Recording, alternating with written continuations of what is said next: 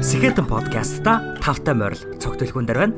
Агуу их зоригтой, зоригдоо хүрх, зоригтой, алдаршгүй зүг чигтэй, зүгэлсэндээ өргөц сэтгэлтэй Сэхэтэн танд зориулж байна. Тэр өдрөө 7 хоног бүтээдэг 7 хоногод сараг тэгээ жилиг тэгээ эцэстээ намайг бүтээдэг учраас амьдралыг бүр ахиж эхлүүлэх боломжийг олгож байгаа байхгүй юу? Бүр энийг бүр ашигла. Яаж игээл өөртөө цаг гаргах хэрэгтэй.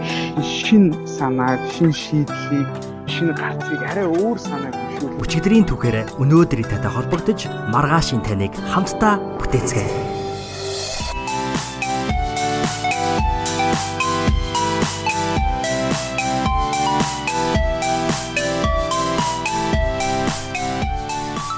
Сайн байцгаана сонсогчдоо бэлгүүнээр байна. Та бүхэндээ шин 7 хоногийн мэндийг хүргье. Түрүү 7 хоног бол энэ шин оны шин 10-ны хамгийн анхны бүтэн 7 хоног байсан. Та бүхэн маань энэхүү 7 хоногоо гайхалтай өнгөрүүлсэн гэдэгт бол туйлын итгэлтэй байна. Энэхүү бүтэн 7 хоногийг хамтдаа дүгнсэн энэ оны Skeden podcast-ийн хамгийн анхны зочинтойгоо хийсэн подкастыг яг өнөөдөр Америк нэгдсэн улсад ням гараг болж байна. Тэгээ өнөөдөр бичлээ. А та бүхэндээ харин шин 7 хоногт нь зориулж энэхүү подкастыг гаргаж байгаадаа туйлын их баяртай байна. Энэ бол Skeden podcast-ийн 98 дахь дугаараа Нями 8-ийн маань 79 дахь дугаараа. Ингээд бодохоор хідүүлээ тун удахгүй 100 дахь дугаартайгаа уулзна гэд бодохоор үнэхээр итгэмээргүй байна. Аль хэдийн хідүүлээ маш том амжилтыг маш их түүхийг хамтдаа бүтээсэн байна. Тийм учраас та бүхэндээ бүгдөөрэнд нь би баярлаа гэж хэлмээр байна. За энэ удаагийн Skeleton podcast-ийн 2020 оны хамгийн анхны хүндэт зочин бол амьд хөгжмийг сонгодог хөгжмөнтэй хослуулж synth pop хөгжмийн чиглэлээр уран бүтээл туурвдаг Redline хамтлагийн дуучин төгөлдөр хуурч Цэпл овогтой тэгш хоёр юм. Тэрээр соёл урлагийн сургуулийг концерт мистер мэрэгчлэр төгссөн ба одоо мөн сургуультай магистрийн зэрэг хамгаалж мэрэгжлээ дээшлүүлэнгээ багшилж бүнийг юм. А хөтлөгч миний хувьд бол тэгшээ зөвхөн дуучин, хөгжимчин, хөгжмийн зохиолч биш, харин зурагчин, аяллагч, ютубчин, сошиал медиа нөлөөлөгч, хөгжүүлэгч, өндөр бүтээмжийн эзэн юм а. Маш олон сонирхлуудаа тэгш хөгжүүлж, мэдлэг чадруудаа холбож, зөвхөн өөрийнхөө амьдралыг баяжуулаад зогсохгүй, урлаг өрөм бүтээл, контентороо маш их үнцэн бүтээж буй залуул тэгшээлээ. Бид хоёр энэ дугаартаа боломжийг хүлээх бус харин олж хайж бүтээх сэтгэлгээ танилын хүрээ буюу сүлжээ холбоог эрхэмлэх нь яагаад чухал болох тухай хамт олон дундах ондоо болон төсөөтэй зан ааш чадвар зэргийг хэрхэн зөв таньж ганцаараа зүтгэх биш хамтаараа гайхалтай байж хөгжих тухай сошиал медиа хөгжүүлэлт гэх мэт бусад олон гайхалтай зүйлүүдийн хүрээнд ярилцлаа. Хэдүүлээ тэгээд илүү хүлээхгүйгээр энэхүү гайхалтай дугаар руугаа үсэрцгээе.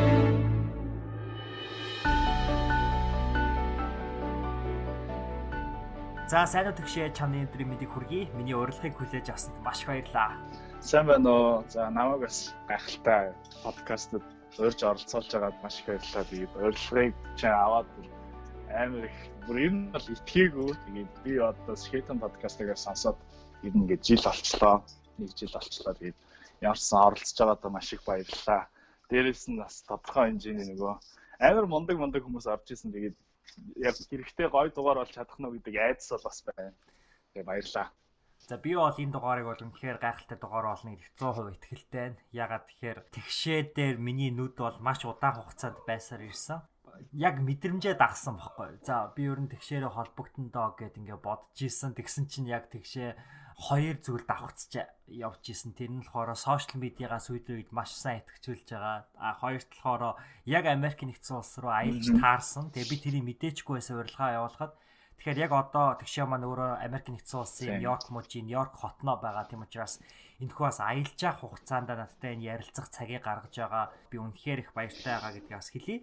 За тэгээд тэгшээ маань өөрийгөө ер нь нэг танилцуулаач. Тэгшээ гэж хэн бэ? Тэгшээ ер нь одоо яагаад юу хийж бас аялж явж байна? Үүнийгээ хаваалцал. Баярлаа. За тэгшээ гэж надаа одоо нэг олон юу байгаа дээ. Одоо юу гэдэг лээ? нэр өвдөл одоо тэгэл яг нэрний хувьд их шаяр гэдэг ч юм уу. Тэгээ гоншингууд байгаа. А ихтэй зүгээр яг нэг үгээр ер нь бол тодорхойлмоор санагдаад байгаа. Амар тийм зохицуулагч тэгээд сониуч зантай нэгэн. Тэгэл олон зүйл рүү ингээд тэмүүлж идэг, олон зүйл сонирхож идэг. Тэгээд тэр зүйлээсээ суралцаад тэгээд аль болох зохицолт хийгээл тэр олон зүйлээ яаж ингээ хооронд зохицуулах вэ гэд хийж явдаг. Тэгэл нэг тиймэрхүү найзуудынхаа сайн найз тэгэл тэр нэг хөгжимчин залуу байна да. Аа. За тэгэхээр зохицуулагч гэдэг бол өөрөө маш чухал үг юм шиг санагдлаа л да. А red line хамтлагийн ахлагч байгаа тий. Тэгэхээр бас магадгүй хамтлагаа зохицуулдаг байх л та. Юуны түрүүнд бас өөрсдөө хамтлагийг танилцуулаач. Энэ хамтлаг хэрхэн үүссэн бэ? Окей.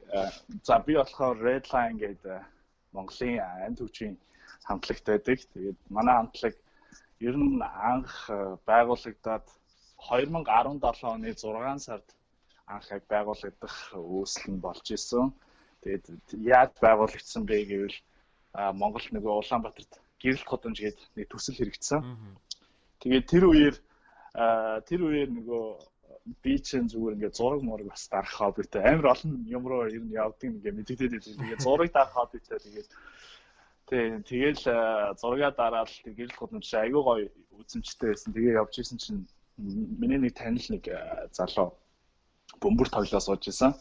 Тэгээд би болохоор нөгөө нэг гадаадын бичлэг мөчлэг тэгээл ингээд юмнууд үзэж байхад нөгөө баскин хийдэг гадаадын хөгжимчд тэгээ Монгол ерөөсөө тийм соёл байдаг өө.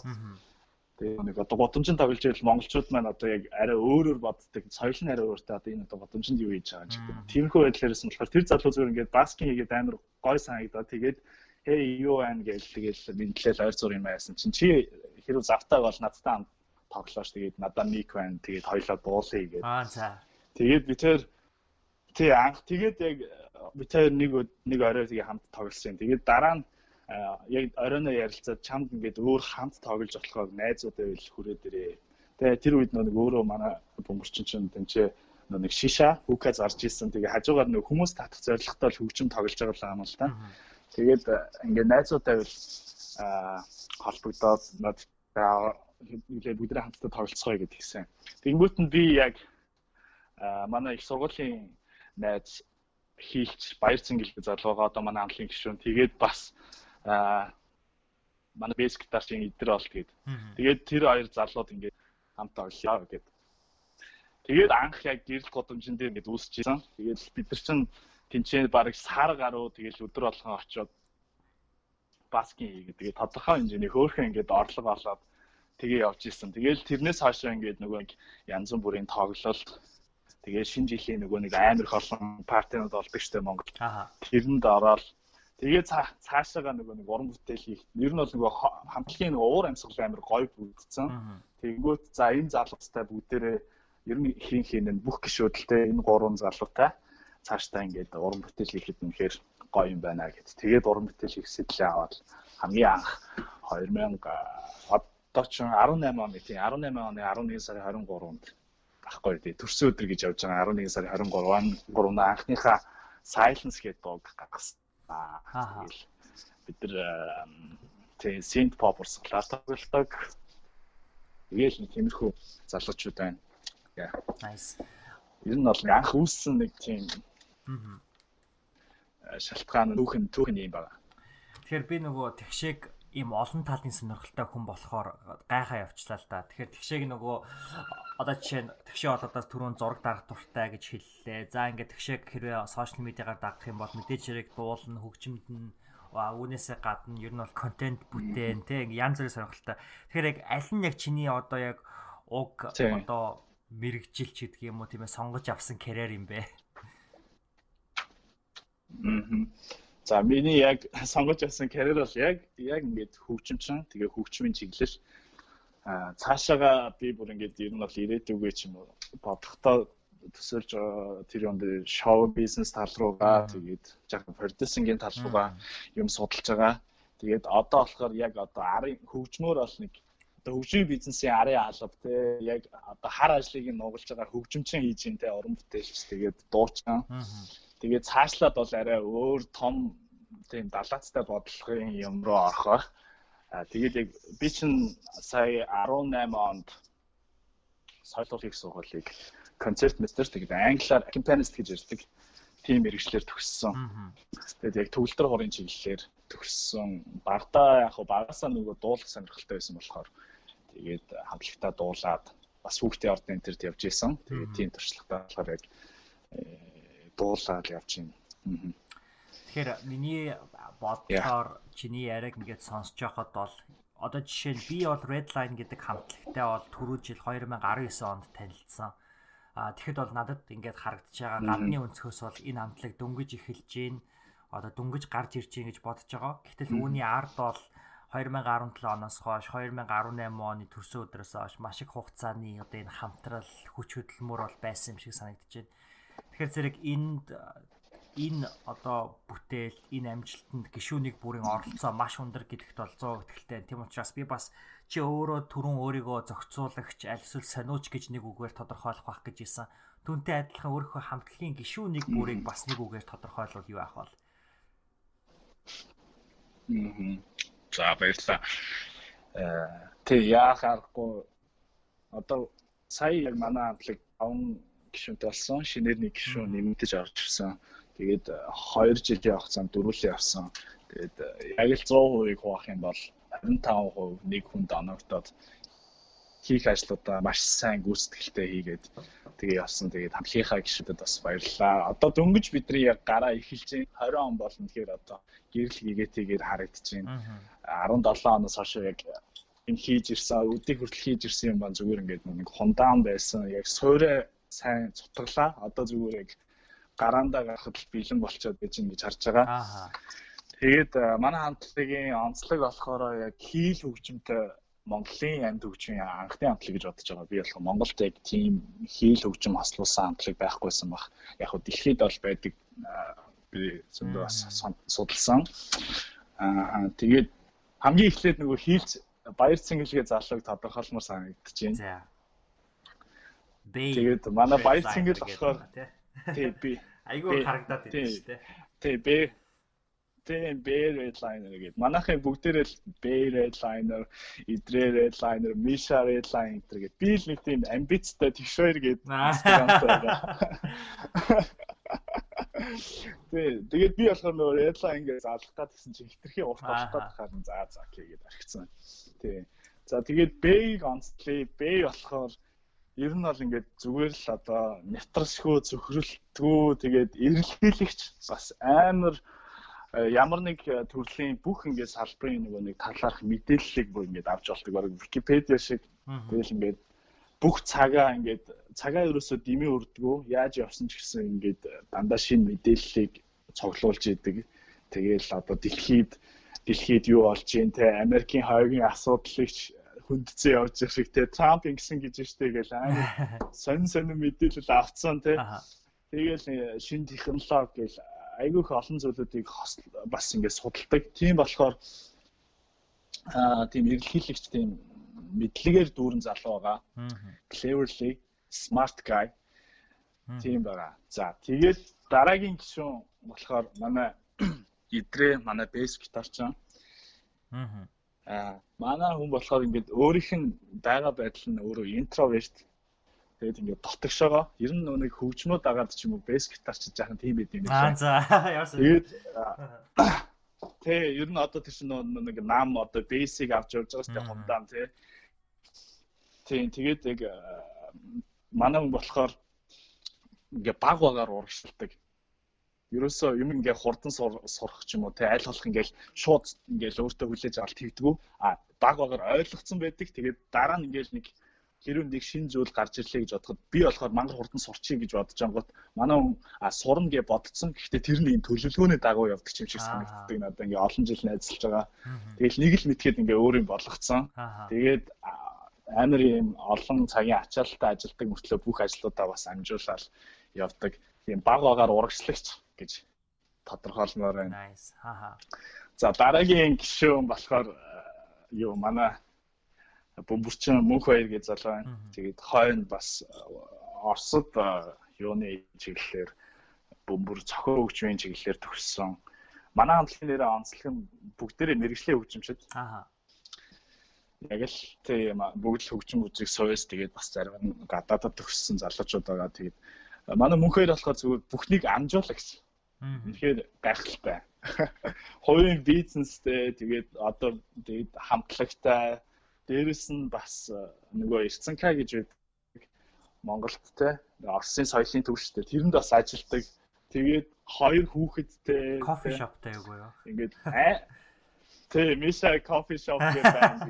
Ингээ хой би тэ амар олон зүйлүүдийг амжилтыг тэгсэн мөртлөө бүгднгийнх нь нөгөө нэг баланс тэ яг ийм балансыг ингээ барьдаг. Тэгээд одоо хамтлагтаа хизээч хамтлагийнхаа бэлтгэлийг хизээч тасалдгүй эсвэл ихтнэр хүүхдтэй гаргах цагаа хизээчтэй алддаггүй бизнесээ ингээд урагшлуулаа явж идэг. Өөрийнхөө яг official дээр ажиллаа бас амжуулж л идэг. Тэгээд бүхнийг амжуулагч. Тэгэл за сүүлийн гишүүн манай лужгагийн залууга шинээр орчихсон. Тэгээд цаатгачин бол маш их авьяас та. Одоо би болохоор яг бас ингээд шинээр орж иж байгаа болохоор бас амар юм ямар гэнэ яг багасаа манай 10 жилийн бас сургуулийн хүүхэд байгаа. Тэгээд амар их авьяастай залуу байгаа. Одоо багийн аюу ахлах нь болохоор жоохон хамгийн шинэ гишүүндээ бол багтаал өгөх арай болоогүй байна гэж ах шиг ба штэ. Тэгээд амар авьяасаага тэгээд хичих хэрэгтэй. Тий. Үнэхээр лаг хүчин шам тэгээд тий тийм байгаа. За тэгэл энэ нэг дөрвөн залуутай одоо миний амьдралын одоо өдөр хоногуд хамт өнгөрч байна. Тий. Тэгээд нөгөө нэг эргэн тойронд байгаа тэгээ таван хүнийхээ дунд ч нь байдаг шүү дээ аливаа хүн чинь. Тийм тэгэл яг би олонгот яг энэ дөрвөн залуугаас амар олон зүйл одоо ингээд сурч л идэг. Тэгээд э, одоо жишээлбэл байнгын юм шинийг эрэлхийлж явах хэрэгтэй байна гэдгийг бие сурдаг. Тэгээ баг багаар урагшилж л байх хэрэгтэй байна. Хизээ зогсож болохгүй гэдгийг идрээгээ сурдаг ч юм уу. Тэгээ бүхнийг ингээд амжуулж явах ёстой гэдгийг одоо мөнх хоёроос тэ бөмбөрчнөөсөө сурдаг. Манай лужгаа олонгот одоо нэг авьяастай учраас ингээд юмыг хурдан сурж болдог гэдгийг надад ингээд харуулдаг. Ингээд маш олон зүйлийг ингээд бүгднгээс нь хараал. Тэгэл тэгэл энэ хүмүүсийг менеж хийгээл явж байна. Nice. Тэгэхээр чиний энэ хариултаа үнэхээр янз юм байлаа. Би бол одоо зөвхөн нэг хүнтэй ярилцж байгаа биш. Энэ хамтлагийн бүх гишүүдтэй нэг дор ярилцлага хийж байгаа юм шиг тийм мэдрэмжийг авлаа. Тэгээ надад сонирхолтой санагдсан зүйл нь юу гэхээр чи түрүүн хэллээ шүү дээ. Одоо ингээд манай баскетарч нь болохоор айгу интроверт гэдэг. Тэгэхээр магадгүй чи одоо гişүүдээ ингээ хуваах юм бол одоо би зүгээр гадны өнцгөр ингээ харах юм бол тэгшээ B2 бол нилээн экстраверт юм шиг одоо харагдаад байхгүй юу. Яг ингээл нүүр царай болол ингээл инээмсэглэл ингээл те. А нөгөө залуус нь болохоор яг одоо өөрсдийнхөө юм интроверт талыг бол нилээн бариад ингээд айгүй гой даруухан. Тэгээд Энэ нь болохоор одоо юу гэдгийг хоёр нь л амар тодорч харагдаад байна гэж одоо ерөөсө харагддггүй. А эсвэргээрээ яг нэг тийм амар гоё баланстай харагдаад идэг л да. Энэ балансыг бас надад бас надад одоо жишээ зохицуулах айгу хэцүү юу гэдгийг даалгавар юм шиг санагддаг. Ягаад гэхээр магадгүй зарим үед хин нэг нь ч гэдэг юм уу.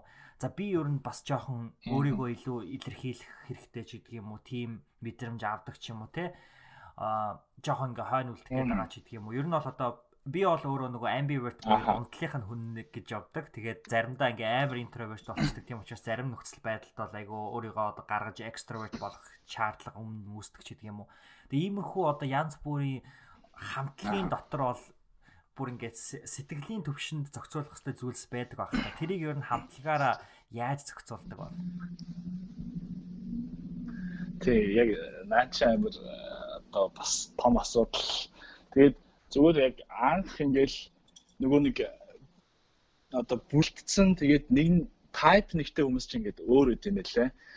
Аа манай хувьд бидний хувьд үнэхээр цаанаасаа ингээд айгүй амар байсан. Олон зүйл яг ингээд бүгд ингээд олон төрлийн хөгжим сонсдог. Тэгээд тэгсэн мөртлөө яг бид нар ингээд нийлээ гаргаж байгаа хөгжим тэгээ хамтдаа хий гэж зорьсон нэг урсгал чиглэл нь адилхан байсан. Тэгээд ер нь л ингээ хамтлагийн ойлголцлын хувьд амар зүгээр байсан. Тэгээд манай хоёрын хувьд болохоор миний бодлоор амар ухаалаг юм шиг санагддаг. Яг тэр манай нэг bass одоо тэр soul section-ийнх нь шүү дээ. Тэр чинь бөмбөр ритм тий. Аа тэгээд bass гитар яг хундаам одоо basement. Тэгээд манай хоёр болохоор яг окей, яг юм санаатай ч юм уу нэг талаасаа. Энэ хоёр угаасаа одоо бид хоёрын тий яг ийм cover яг ийм уртлыг одоо ингээ халахлж байгаа. Тэгээ энэ хоёрыгоо ингээ жаахан шидээд өгөө. Тэгээд бид хоёр яг араа ингээ даацсан байхад энэ хоёр бусад ажлаа хариуцсан гэдэг ч юм уу. Яг тийм байдлаар л зохицуултыг хийдэг.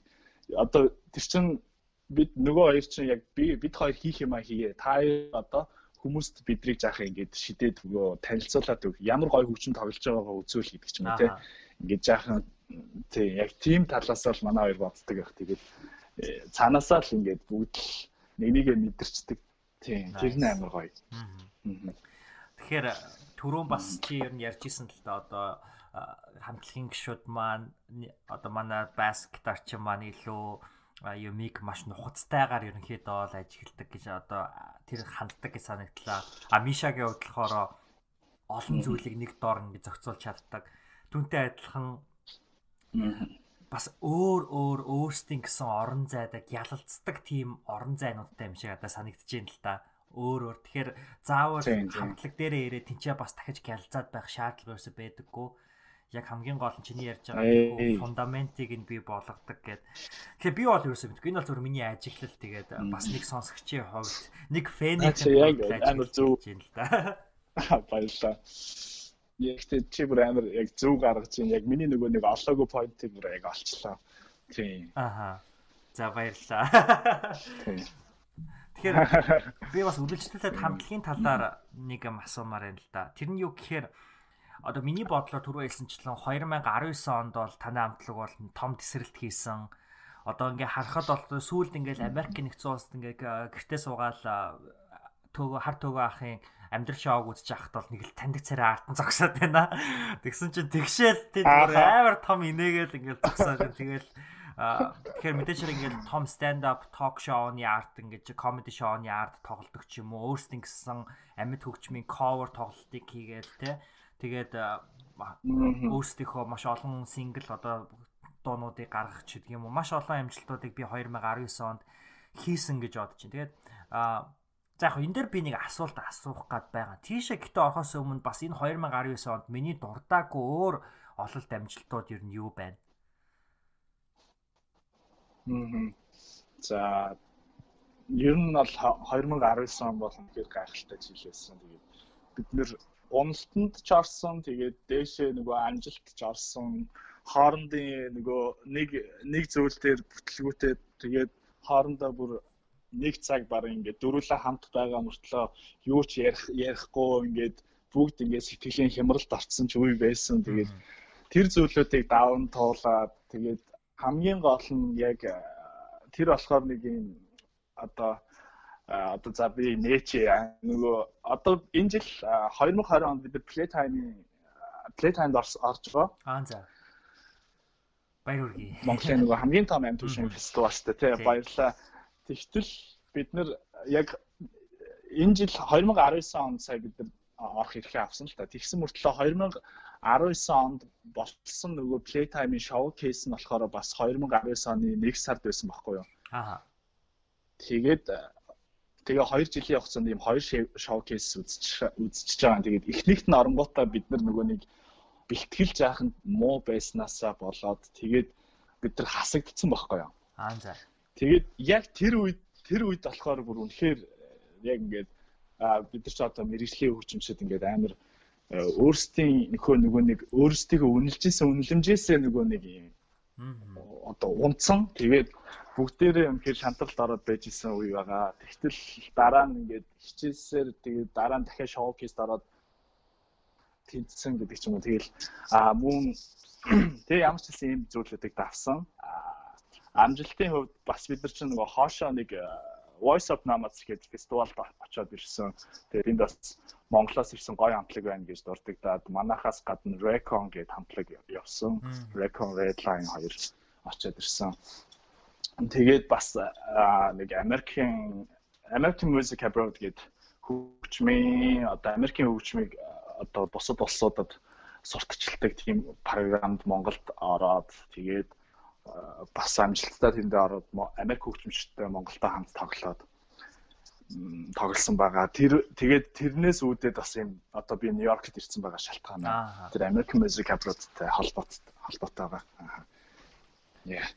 Зя. За тэгэхээр сая түрүүнд дурдсан бүх амжилтууд болон уналтууд нь ч гэсэн баяр хүргэе. Тэгээ уналт гэдэг бол далаламын ил тэгэхээр доошоогоо унах тэр доотлын уналтын хэмжээнээс хамаарч чиний аз жаргал хамаардаг гэдэг. Тэгэхээр 2020 онд бол гайхалтай их аз жаргал амжилт ирнэ гэдэгт бол итгэлтэй. А миний ажиглалтаар одоо энэ 2019 онд Redline хамтлагийн бас амжилттай байсан нэг шалтгаан нь нэг л зүйлийг бас нэг биш нилээд хэдэн зүйлж байж магадгүй. Та нар бусад хамтлагуудаас ер нь бусад урлагийн хүмүүсээс арай ондоо хийгээд байгаа юм шиг санагдаад байдаг л да. Тэгэхээр магадгүй чиний одоо ингэ харж байгаагаар бусад одоо энэ хамт олноос юуг ондоо хий гэж ер нь хүссэн бэ? Өөр одоо яг энэ хамтлагаа олныг түрхэх стратеги тактик явуу тийм ээ. арай өөр өөр тий. За зүгээр ер нь миний нөгөө нэг амьдралт гэх юм уу яг хувь хүний хувьд ингээд байрж явдаг зүгээр нэг зүйл байдаг. Аа тэгээд тэр зүйлийгээ ч гэсэн нөгөө хамтлагийнхандаа ойлгуулад тодорхой хэмжээнд бас ойлгодог байх. Би болохоор үнэхээр одоо э, хүний нөгөө нэг э, ер нь бол хүний нөгөө харьцааны зүйл чинь амар энгийн ойлголт ч гэдэг тий. Хэрэгцээ тэгээд э, оо за хэрэгцээ нөгөө талаасаа эрэлт штэ. Аа. Тэгээд эрэлт хэрэгцээ. Тэгэхээр бид нар гол нь тэр хүмүүс яг юу хүсэж байгаа тэр зүйлийг нь бид нар өгөх ёстой. Аа дээрэс нь бидний яг амжилт одоо тодорхой хэмжээний амжилт би бол үнэхээр нэг амар амжилттай байгаа гэж хэлмээргүй байна хичээд байна. Тэгээд э, энэ тэ энэ зүйл маань болохоор э, хүмүүстэй амар харилцаа тогтоо одоо connection бас сайн үүсгэж чадсан. Хүн болгонтой найрсаг байхыг хичээдэг, хүн болгонтой ийдэг. э, Тэгээд яг тэр хүмүүс юу хүсэж байгааг л бид нар өгдөг. Тэгэл одоо нэг зах зээлээ амар сайн судалж байгаа л гэж бодож байна. Тэгээд э, тэгэл бас амар э, яаж бэлтгэл тэгээд э, чанартайгаар уран бүтээлүүдээ хийхийг зорж яваа. Аа. Тийм тэр маань л нөлөөлж нөлөөлж байгаа бах та. Тэгэхээр чи яг миний исэн хариултыг а, хөндлөө л доо. Тэр нь юу гэхээр э, биний ажиглалтаар яг чиний түрүүн хэлсэн тэр connection одоо харилцаа network те энэ бол яг танай хамтлагийн айгүй том давуу тал байгаа юм шиг санагддаг байхгүй. Та бүхний одоо social media дээр хэрэгжилж байгаа стратеги ч гэдэг юм уу те ер нь яг өөрсдийнхөө сонсогч нартай харьцаж байгаа тэр харилцаа engagement энэ бүхэн бол арай ондоо. Ер нь арай дотн яг сонсогч нараа сонсдог, сонсогч нараа хүндэлдэг. За дээрэс нь ерөнхийдөө ер нь нэг сошиал медиаг хэрэгжилж байгаа арга барил ч гэдэг юм уу энэ зүйлүүд чинь надад айгүй ондоо санагддаг. Яг нэг тийм хамтлагийн нэг амьд хөгжмийн хамтлагийн арын backstage-нээс ингэж та бүхнийг бас нэг харах боломжийг олгоод байд юм шиг. Тэгэхээр энэ стратеги тактик бол зөв миний мэдрэмжээр бас миний бодож байгаа ихтгэл найдраар бол та нарыг бол амар холын амжилтанд ер нь хүргэнэ гэж би бол бодож जैन. Тэгээд яг чиний хэлж байгаа бас энэ connect одоо энэ хол харилцаа холбоогоор ер нь дамжиж бас хоёулаа танилцсан шүү дээ. Анх бол тэгшээ над руу бас ингээд тийм. Тэгэл би Redline хамтлагийг сонсч үзэл үнэхээр таалагдал тэгээд миний бас гонигтай болон аз жаргалтай өдрүүдэд бол Redline-и Precious бол үргэлж хамт байсан.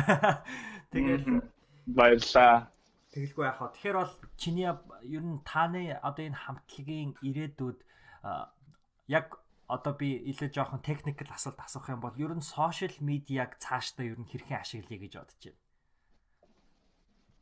Сошиал медиаг бүр асар нухацтайгаар харж байгаа. Тэгээд бүр яг сошиал медиа хөгжүүлэлтийн бүр багтаа болъё гэж бодож байгаа. Тэгээд одоо болохоор бид нар хөгжимчин хамтлагт яг хөгжимчин хийхийн сацуу одоо миний хувьд одоо яг ямар ямар хідэн ч яг рол дээр байгаа юм мэдээ сошиалаа хөгжүүлнэ тэгэл тэ story story post тэгэл зураг янзлах тэгэл видео тэгэл мэдхгүй амар олон юм юмнууд дээр бүх хүн одоо бүх гişүүд л явж идэг те.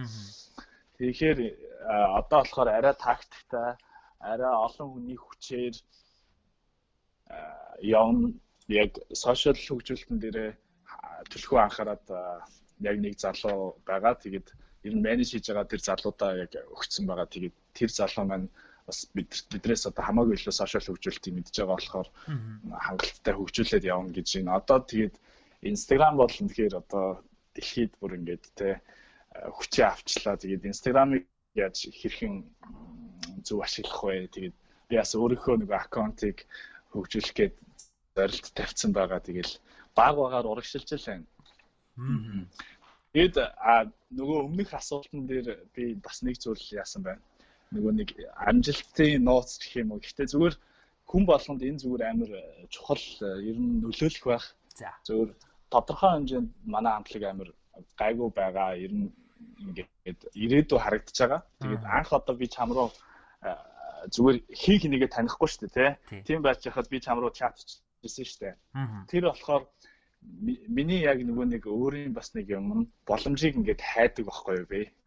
Тэгээ аль болох ингэж нээлттэйгээр ягаад гэвэл э, би өөрлөө чинь бичээд э, тэгээ цогт дэлгүүн дээр намайг чи одоо те яах гэж над руу бичээд байгаа яасан ийсэн пам пам те энэ одоо э, гэд миний өөдөөс тэгж уурлахгүй байхгүй би бас тэрийг мэдчихэж байгаа. Тийм болохоор тий нэг талаасаа тийм болохоор би шууд нээлттэйгээр энэ залуу бол угаасаа ингэж нээлттэйгээр хүлээж авах залуу байна. Тийм учраас би бичээд үзье. Ягаад үзээд дал бэ? Ягаад үгүй гэж. Яг тийм энэ яг чам дээр ашигласан одоо энэ энэ зүйл шиг би одоо маш олон одоо ах их нартайгаа анх танилцж байсан. Аа. Тэгээд э, хүн болгон ингээд зүгээр боломжийг ингээд хайх хэрэгтэй. Яг э, чамтай тэр анх одоо хідэн 19 оны хідэн сард сард ч тийм анх нандин цацагтаад ийм уран бүтээл гаргачлаа бас сонсоод үзэрэй гэдээ явуулж исэн. Тэгээд хэр хэрвээ би тэр чатыг бичээгүй байсан бол одоо би хитэн подкастын тэр нэмийн 8 энэ дугаарт би ороо суухгүй байхгүй. Тэгэхээр яг тэр яг зүйлийг би анх эхлүүлсэн. Тийм ч учраас нөгөө боломж нь өөрөө буцаад боломжийг би ашигласан учраас над руу нөгөө нэг бусад зөвлөлүүд өөрөө ирж байна гэж харж байна. Аа. Тийм тийм учраас боломж угаасаа чам руу ингээ хаалга тогшоод ирэхгүй чи тэр харин боломжийг өөрөө олох хэвээр өөрөө араас нь хөөцөлдөх хэвээр гэж боддог. Маш гайхалтай хариулт байна. Баярлалаа. Аа. Баярлалаа. Одоо хамтлагийн тухай хоёлаа сайн нилээд ярьлаа. Тэгэхээр зэрэг хамтлаг гэдэг бол яг ч нөө хамтаараа лаг гэдэг чинь яг тэр нүн ч юм аа. Гэхдээ ерөнхийдөө бол олуулаад яг лаг байх байхыг ер нь хилээд баг шүү. А гэхдээ монголчууд бас нэг хэлдэг үг байдаг шүү. Ганц зэрэг ганцаардахгүй гэдэг. Тэгээд э, тэр нь болохоор хувь хүний амьдралд яаж гардаг вэ гэхээр би бол өөрөө нэлээд тим төрлийн хүн байсан. Одоо бол нэг арай жоохон өөрчлөгдөж байгаа шиг байна. Ил ер нь бол ганцаараа зүтгээд авах юм бол бодлохгүй юм байна да гэдэг санаатай тий. Тэгэхээр ганцаараа л бүхнийг болгоно өссөн зорилгодоо өөрөө хүрч чадна гэж ер нь хүмүүс итгэдэг. Тэгэхээр чиний хувьд ер нь юу гэж боддог вэ? За миний хувьд жаахан эсрэг тал руугаа буюу бүр одоо анх анх ч ихтэй зүгээр энийг нэг 7 8 жилийн өмнө ойлгосон гэх юм уу. Би ч гэсэн ганцаараа ганцаараа дуулын эсвэл бүх зүйлээ ганцаараа амжуулна гэл юм тийм бодолтой явж исэн үе байгаа. Гэхдээ ихтэй нэг ийм үг байдаг штэ хурдан явъя гэвэл ганцаараа яв, хол явъя гэвэл олуулаа яв. Аа. Энэ бүр энэ үг бүр үнэхээр надад амар их таалагддаг. Тэгээд чиний хийж одоо чиний бодоогүй зүйлийг чиний эргэн тойронд байгаа хүмүүс олоод харцсан байдаг. Тэгээд чи хэрв тэр хүн одоо бусад хүмүүстэй элдэг болон нөхөрсөг байж чадаад тэгээд тэр хүмүүс чамд зөвлөх юм бол чиний хараагүй маш олон зүйлүүдийг хараад чи тэр хүмүүсээ суралцаад тэгээд багаараа урагшлаад бүр үнэхээр хол явах боломжтой. Тэгэхээр яг одоо одоо олон хүний хүч бол нэрээ үнэхээр дийлдэхгүй тэгээд тийм ч болохоор яг э, аль болох л одоо олон хүмүүстэй танилцаж хүн болгонтой э, нөхөрсөг байж тэгээл нөгөө нэг эрэлт хэрэгцээ гэдэг юм байгаа. Тэгээд гол нь чи тэр хүннийг одоо нэгэсэндээ ашиглаж байгаа шүү дээ тий Аа. ашиглаад одоо ашиглаад э, ямар нэг ажлаа бүтээсэн бол эргээд чам руу буцаад ороод ирэхэд чи яаж хийж байгаа туслах хэрэгтэй. Яг л тэр зүйлээ л мэдчих хэрэгтэй. Тэгээд э, хин хиндээ ингээд хин хиндээ хин хиндээ яг хэрэгтэй зүйлийг нь хэрэгтэй цагт нь одоо бий олгоод тэгээд найрсаг байж чадвал болохгүй юм гэж байхгүй. Одоо надад үнэхээр э, одоо маш амархан зүйл хин нэгний хувьд маш хэцүү зүйлтэй байж магадгүй шүү дээ. Тийм болохоор та зүгээр л одоо надаас одоо юу ч хийдэ. Би жишээлбэл одоо юу хин нэг нь надаар ингээд а, надаас ч юм уу эсвэл нэг хөгжмийн зохиолчор ч юм уу нэг дуу хийх хийх гэж байгаа гэж бодъё л та тий. Тэгтэл зүгээр над- надтай холбогдох болох байхгүй. Надад одоо жишээлбэл дуу одоо хөгжимчин хүн учраас маш ойрхон байгаа шүү дээ. Аяа яа зохиох уу эсвэл үгээ яаж бичих үү тэ санаа нэмэхгүй юу байх вэ? Тэгэхээр зүгээр л надаас ингээд асуугаад үзвэл би хамгийн байж чадах нээлттэй бүх зүйлүүд дээр туслаад тэгээд нөгөө надаас асуусан хүний ажлыг би бүтээгээд өгч байгаа байхгүй. Тэгэхээр чи ингээд хүн хүн нэг харилцаад явах юм бол олуулаа ингээд урагшлах юм бол одоо туулах зам маш богино байна гэж хардаг. Тийм. Тийм. Тэгэхээр тэгшээ яг одоогийн байдлаар яг хоо нэг үгээр хар нэг өнцгөөс харах юм бол ганц зэрэг ганцаардахгүйгээр ганцаараа Америк нэгдсэн улсаар аялаа явцсан байгаа шүү дээ. А гэхдээ нөгөөтэйгөр болохоор бас ган нөгөөтэйгөр болохоор эсрэг талаас нь харах юм бол яг үнэндээ маш их олон хүмүүсээ танилцаж бас тэрхүү нөгөө холбоо сүлжээг бий болгож чадсан учраас өнөөдөр Америк нэгдсэн улс энэхүү аялж байгаа аялал нь өөрөө боломжтой болсон гэж бодож байна. Тэгэхээр тэгшээгийн бай одоогийн яг аялж байгаа энэ аяллыг суурин аялал гэж нэрлэх гээд байгаа тий. Тэгэхээр илүү нөгөө урт удаан хугацааны аялал. Тэгээд ер нь яагаад ингэж суурин аялахаа шийдсэн бэ? А дээрэс нь энэ суурин аялж байгаа энэ аялалт чинь одоо чиний энэ холбоо, connection чинь хэрхэн тусалж байна? Аа. За, миний хувьд багасаа л амар их аялах сонирхолтой өссөн. Тэгээд хүн болгон л угаасаа аялахыг мөрөөддөг одоо монгол хүн бүрийн л мөрөөдөл эсвэл дэлхийн хүн бүрийн л мөрөөдөл ах тэгээд аялал бол одоо тэгэл бүх зүйлээ бүх зүйл амар олон төрлийн туршлага хоригдлуулдаг. А би 2 жилийн өмнө одоо Лондонд нэг 2 бараг 3 сар амьдарч ирсэн тэгээ ажлангаа Монгол хүүхдүүдэд төгөлдөр хуур заагаад дээрэс нь бас хэрв юу завтай үе явах юм бол баскин хийдэг байсан бас. Тэгээд годомжин тоглоно гэсэн үг. Тийм. Тэгээд дараа Тэгээ годомжинд хөгжин тоглоод тэгэл би чинь заа за Монгол буцхаа болт юм дөө гэж бодож бодоод амар их мөнгө олоод гэж. Тийм үү. Анх удаа ингээ Монголоос Монголоос гарцсан тэгснэ ингээл баскин хингүүтээ өдөрт баг ингээл 100 паунд олж молол. Тэнгуү чи хүн чинь амар сонирн байдалд орд юм биш үү ингээл би зүгээр дуртай хөгжмөд тоглоод тий ингээл болчих юм уу тий аа тий тэгж бодож ирсэн байгаа тэгээд зүгээр хөгжимчин үлдэхүү тэнд годомчны хөгжимчин үлдээд яах вэ гэж бодсон л та аа тэгээд дараа нь яг Европоор Европоор 14 хамгийн аялал хийж үзсэн юм аа Шенгений орнуудаар Австри, Чех, тэгээд Герман, Бельги, Нидерланд, тэгээд доошогоо Париж руу орж үзсэн Италийн 3 хот. Тэгээд тэр нь зүгээр яг нийтдээ зүгээр 11 хоногийн аялал байсан баггүй юу? Тийм. Тэгээ 11 хоногийн дотор бараг би 8 байна уу 9 хот. Тэгээд улс нь болонгууд чинь 6 7 улсаар орцсон. Тэгээ уусаа яг Европын орнууд хоорондоо ойрхон шүү дээ. Тэг нэг нэг за нэг 2 3 цагийн зайтай, холдоол нэг 6 7 цагийн зайтай байдаг. Тэгээд гэхдээ би тэндээс яг амар олон орноор ороод ингээд орж хот руу орсон гэдэг нэр байгаа мөртлөө надад ерөөсөө яг тэр орноос ингээд надад миний нэг одоо сэтгэлд буусан ч юм уу эсвэл толгойд үлдсэн ямар нэгэн туршлага ч юм уу юу ч үлдээгүй. Зүгээр л нэг орсон гэдэг нэр байгаадсан. Зүгээр зочилж үзсэн. Тэгээд яг тэрнээс хойшоо би тэгэнгүүт чинь миний нөгөө нэг амьдраад 2 сар 3 сар байсан Лондон болонгууд надад амар олон зүйл өгсөн байгаа байхгүй. Тийм учраас яг хэрв чи аялах гэж байгаа бол тийм мөнгө төгрөгөө үрж ерөөсөө битээ тэгж олон одоо олон улсаар аялье гэж битээ бодоо. Зүгээр яг нэг газраас сонгож аваад тэр газрынхаа соёл тэгээд одоо амьдрал лайф стайл тэгээд залуучууд нь одоо яаж шоудтыг хөгсчүүд нь тэгээд яаж энэ өдөр хоногийг өнгөрүүлэхийн тий эсвэл манай Монгол одоо өөр юмнаас хэр өөр байгаа ингээд тэр бүх зүйлүүдийг ингээд судлаад нэг газараа суурин байвал хамаагүй өөр өгөөжтэй санагдсан. Тийм ч учраас би одоо яг ганцхан Нью-Йорк хотод байжгаад тэгээ Монгол руу буцсан.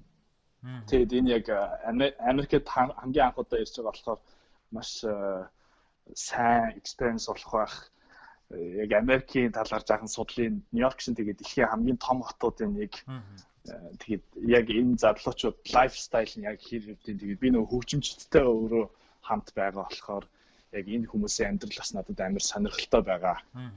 Тийм. Тэгээд энд ирсэн connection болонгууд Монголд хэлсэн дэр American American Music Abroad гэдэг project байдаг. Тэрний хүрээгээр Aberdeen гээд jazz хамтлаг Монголд сая 5 сард ирсэн. Тэгээд тэр үеэр нь бид нар танилцаад Монголд хамт воркшоп хийгээд энэ залуус тэгээд дээрэс нь бид нар хамтдаа Монгол хөгжим энэ төр тоглоод тэгээд танилцсан.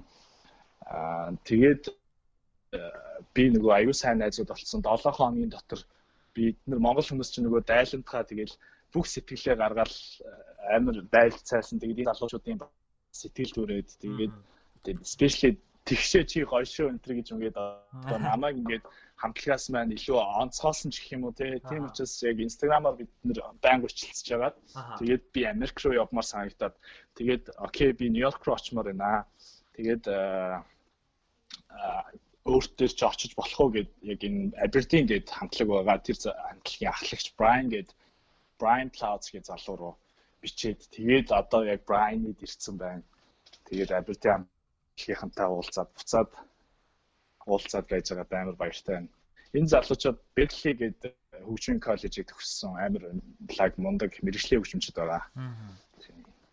Тэгэхээр яг л түрүү нөгөө боломжийг хай гэдгийг шиг чи бол тэгэл боломжийг хайгаал очсон шүү дээ.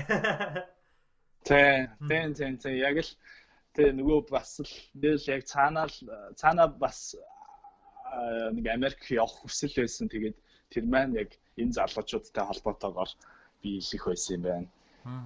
Тэгээд марцнаас зүгээр яг хөгжим сонирхож байгаа залуучууд энэ подкастыг сонсож байгаа бол энэ Aberdeen гээд хамтлагийн Адам Нийли гээд бэс гитарчин байгаа. Тэгээд энэ залуу болохоор одоо баг YouTube channel нь 1 сая subscriberтай болж байгаа. Вау. Тэгээд одоо тий дэлхийн тий ер нь амар хүчтэй channelтай тэгээд би одоо Монгол ирэхэд нь ирэхээс нь өмнө нөгөө нэг хөгжмийн хөгжмийн хичээл заадаг тэрийг нь үзчихсэн байхгүй юу. Тэгээ Монголд ирсэн.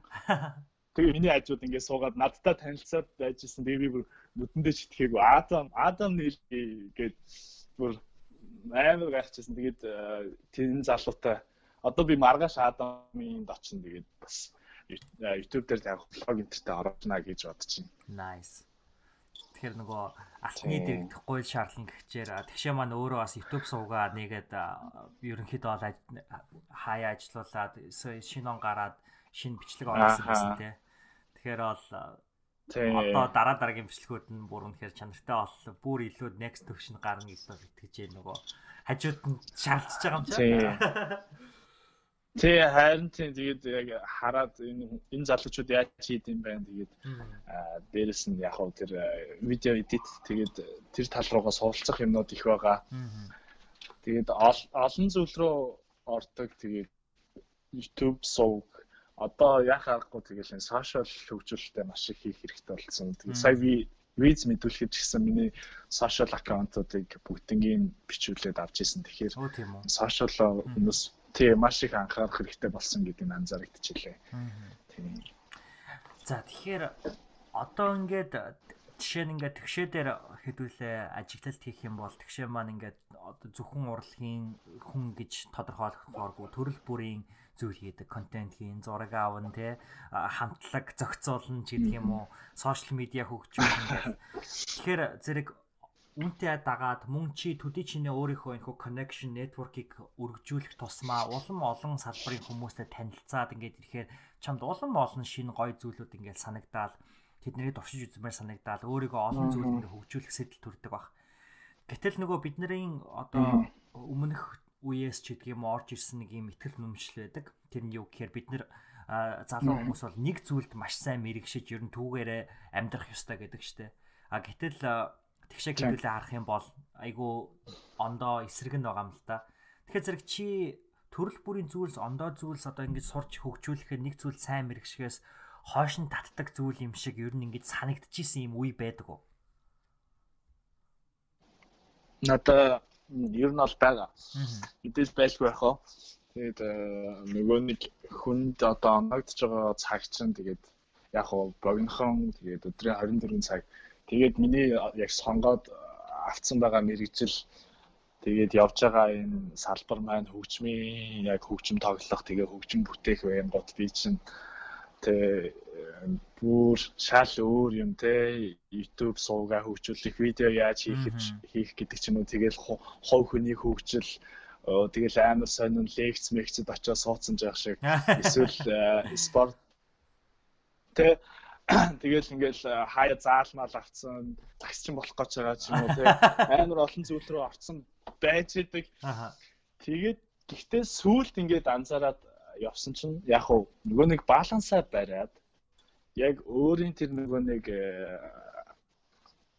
анхаарч байгаа тэр гол өөрийн мэрэгжил тэр салбартаа өгөх цагаа хуваарлаад хамгийн гол нөгөө нэг тайм менежментэл зөв хийж чадах юм бол энэ бол ямар ч асуудалгүй хэрв а нөгөө талаасаа одоо тэр өөр салбарын зүйл чамд таалагдаад дээрэс нь чамд тэр зүйлд нэг анхаарал хандуулах цаг цаг зав нь байгаа бол энэ бүх юм нээлттэй. Тэгээ саяхан миний анзаарсан зүйл бол би бусад зүйлүүдээс олж авсан мэдлэгээ өөрийнхөө хөгжимд амар их ашиглаж байгаа юм билээ. Аа. Тэнгүүт нөгөө нэг өөр зүйлүүд рүү ороод исэн зүйл чинь дахиад эргээр нөлөөлж эхэлсэн. Аа. Миний яг хөгжмийн одоо би сая нэг сүулт нэг дуу зохиосон 20 онд цацагдсан манай амтлагт манай амтлагийн дуу болцсон. Тэгээд тэрийг би зүгээр нэг YouTube дээр нэг видео хий гэж бодоод явж байгаад тэгээд видеогоо эвлүүлээд явж исэн чинь нөгөө амар гоё ритмлэг тэгээд ирч хүчтэй тийм дуу хэрэг болоод аа тэгээд тэгээд амар гадаадын дуунуудаас ингээд яг оруулсан. Гэхдээ тэр үедээ яг нэг тохирох ритм юмнуудыг олчж байгаа байхгүй одоо яг ийм видеон дээр а ийм гой цоглог дуу хэрэгтэй байдаг юм байна гэдэг одоо мэдлэг олоод авчиж байгаа нэг талаасаа.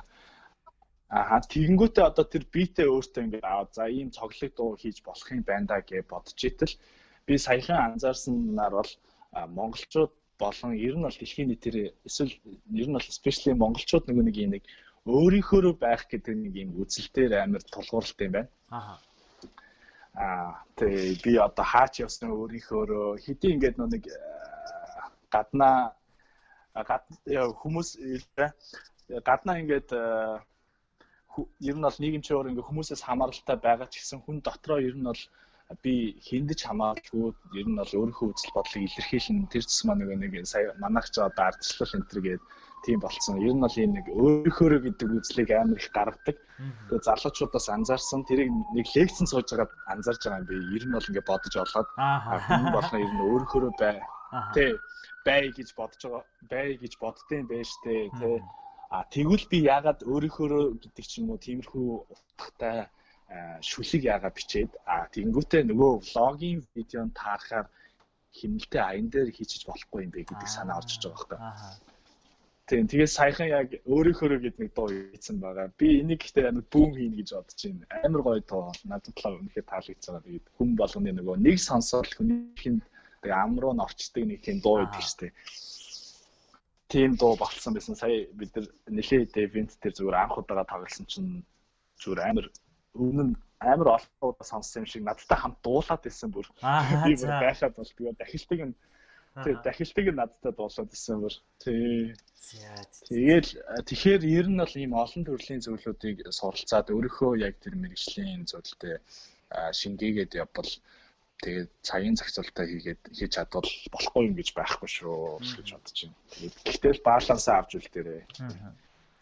За тэгэхээр би тэгшээс асуух гэсэн яг нэг асуултынх нь нэг нь яг түрүүний чиний ярьсан энэ бүх зүйлийг яг асуух гэсэн байхгүй. Тэгээд тэгшээг яг ингээд яриад явах юм бол магадгүй Монголын Стив Джобс шиг л хариулт өглөө л дөө. Нөгөө Стив Джобс чинь айгүй олон талын чадруудтай, мэдлгүүдтэй байсан те. Түүнийгээ холбоод Apple-ийн одоо энэ өнөөдрийн хүртэл бидний гар утсанд гарт баригддаг энэ iPhone, Macintosh эдгээрийг бол бүтээсэн байдаг. Тэгэхээр өөрөөр хэлбэл зөвхөн нэг чиглэл рүү хазаагаагүй гэхдээ олон талын мэдлгүүдийг бий болгож чадсан учраас бол энэ гайхалтай зүйлийг бүтээсэн байдаг. За тэгээд энэ жишээг бол ингээ ерөнхийдөө бол одоо юу гэдэг чинь Leonardo da Vinci ч гэдэг юм уу те Benjamin Franklin гэл одоо энэ хүмүүс бол бүгдөө яг нэг ийм чадварыг амар сайн хөгжүүлсэн байдаг. Тэгэхээр нөө connecting dots гэж хэлдэг те цэгүүдийг холбох. Тэгэхээр үүнийг бол үнэхээр сайн хийж байгаа залуу бол яахын аргагүй миний бодлоор бол тэгшээ тийм учраас бас чам энэ чадварыг хөгжүүлж үнийг түүчээлж өвлөхөр дурайл болж байгаа чинь бас баярлаа баяр хүргэмээр байна. Баярлалаа. Маш их баярлалаа. Гэтэ нөгөө нэг нөгөө нэр нэртэй амир хүний юу холбоотой байдаг шиг санагддаг. Хаяа. Аха. Би их амир шашин машин ч юм уу тийм юм итгэдэггүй л дээ зүгээр. Тэгсэн мөртлөө нэг хүний нэр ингээд нэг цаанаасаа хичээх ёстой ч юм. Миний нэр чи одоо тэгш баяр. Аха. Тэгээ тэгээд аав нөгөө багаас намайг тэгж сургасан. Тэр эсвэл нөгөө нэг аавын хэлсэн үг байх л та. Аа би чамд ингээд яагаад тэгш баяр гэдэг нэр өгсөн бэ гэвэл бүх зүйлд тэгш байгаасаа гэж хүссэн шүү. Миний хүү гэж надад ингээд багаас бүр амар хэлдэг байсан. Аха. Тэгэл би би а би энэ нэртэй чинь бүх зүйлд бас ингээд тэгээ тодорхой хэмжээнд бүр ингээд мэрэгжлийн профешнл хийхгүй ч гэсэн нөгөө тэр салбарын хүнтэй ингээд уулзаад юм ярихад тодорхой хэмжээний мэдлэгтэй байя гэдэг зүйлийг яг өөр тэр аяг их бодож авд юм аа. За баярлалаа гоё өөрийнхөө гоё хувийн түүхийг хуваалцсан да. Аа Баярлалаа. би ч тэрэн дээр их санал нийлдэг. Тэгээд би ч угаасаа өөрөө урт нэртэй хүн учраас яалтчихөө нэр маань амар олон зүйл илэрхийлээ. Тэгээд яг адилхан мэдрэмжийг бол авдаг. За тэр ч яг би чамаас нэг ажиглалт бас авсан юм л да. Ер нь ерөнхийдөө бол танай хамтлагийнхнаас тэр нь юу гэхээр тухтай бүсээсээ буюу комфорт зоноос маш сайн гарч чаддаг хүмүүс юм шиг. Тэгээ ингээд чиний бичлэгүүдийг ингээ үзэж байхад ч гэдэг юм уу одоо нэг бичлэгийн жишээ гэх юм бол Солонгост байлуудаа шууд YouTube бичлэг байсан санагдаж байна. Очоод би нэг хэлээр ярьж үзвэл энэ ямар хэл байна одоо тий хэлээд өгөөч гээл. Тэгээ энэ бол ингээд харахад энгийн нэг контентын боловчиг миний хувьд бол маш том энэ тухтай бүтээсээ гарч байгаа оролдлого гэж бодож байна. Тэгээ та бүхний одоо Redline хамтлагийн нэг дуунуудын нэг нь болохоор ингээд зөвхөн Монголдоо биш гадаадад ингээд бичсэн тий дуу байдаг гадаад хүн ингээд дүүтэн тоглуулсан ч гэдэг юм уу. Ингээл янз бүрийн байдлаар тухтай бүсүүдээсээ гарч ийн. Тэгээд өнөөдөр бас чи яг энэ Америк нэгдсэн улсад аялаад байж байгаа чи өөрөө тухтай бүсээсээ гарсан байгаа нэг шинж те тэгээд энэ том хамтлагийн залуучуудтай ингээд мөр зэрэгцээд одоо гэрт нь ингээ амьдраад явчих гэдэг чи өөрөө маш том тухтай бүсээсээ гарч байгаа энэ зүйл. Тэгэхээр үүнээс гадна ер нь энэ тухтай бүсээсээ бүр ингээ өөрийгөө албаар хийж байсан амьдралд чинь хамгийн том өөрчлөлтийг авчирч исэн үйлдэлүүд юу байдаг вэ? Тэр амар том өөрчлөлт эргэлтийн цэг яг 3 жилийн өмнө байсан. Аа тэгээд миний хувьд болохоор 5 хүүхэдтэй айлын баг тэгээд отхон хүүхэд. Тэгээд тэгээд ер нь мэдэн штэ нөгөө Монголч нөгөө нэг нялх гээл тэгээд айлын багуудыгаа амар хэрэглүүлдэг. Тэгээд ер нь бол айлын эрх хүүхэд тэгээд багаасаа баг ингээд аав ээж ах их чинь ингээд зүгээр тэгээ хайрын донд өссөн. Тэгээд нэг мэдсэн чинь би бүр ингээд юу ч хийж чаддгүй нэг мэдсэн хоол хийж чаддгүй хувцаа угаах гэхээр залхуу хүрдэг.